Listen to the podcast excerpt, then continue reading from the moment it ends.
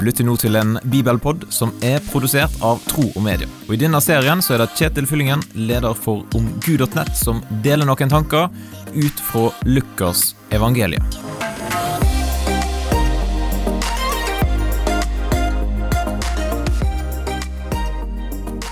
Venter du på et bønnesvar? Eller har bønnesvaret tatt så lang tid at du har slutta å vente? Da må du få med deg det som står i dagens eh, bibelpåtekst fra evangeliet etter Lukas kapittel 1 og vers 8 til 13.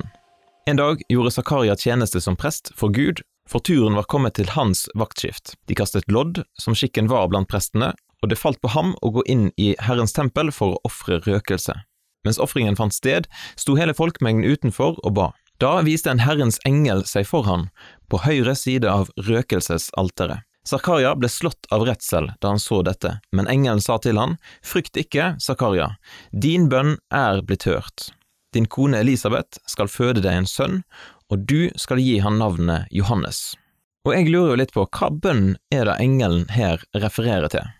Og når var det Zakaria ba den bønna? For da sier jo ikke teksten noe konkret om. Kanskje var dette ei bønn som Zakaria ba hver dag, eller kanskje det var ei bønn han og Elisabeth ba for lenge siden.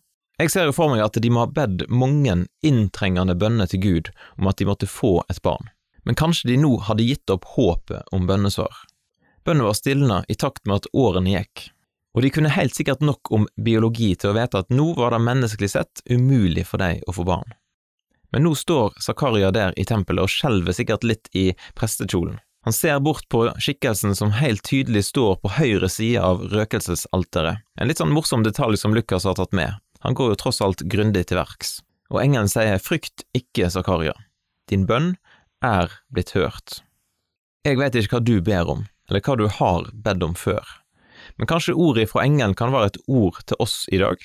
Frykt ikke, bønna di har blitt hørt. Og så kan det ta lang tid før vi ser bønnesvaret, og kanskje får vi ikke sitte i hele tatt i vår levetid. Og så er det godt mulig at eh, bønnesvaret ser helt annerledes ut enn det som vi i vår visdom har forespilt Gud at det er en god løsning på vårt problem.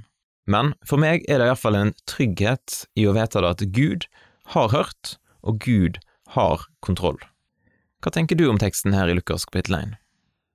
Du er kjempevelkommen til å dele dine tanker med meg. Du kan sende en e-post til kjetil1tromedia.no, og du er veldig velkommen til å dele Bibelpodden med noen som du tror kan ha nytte av den.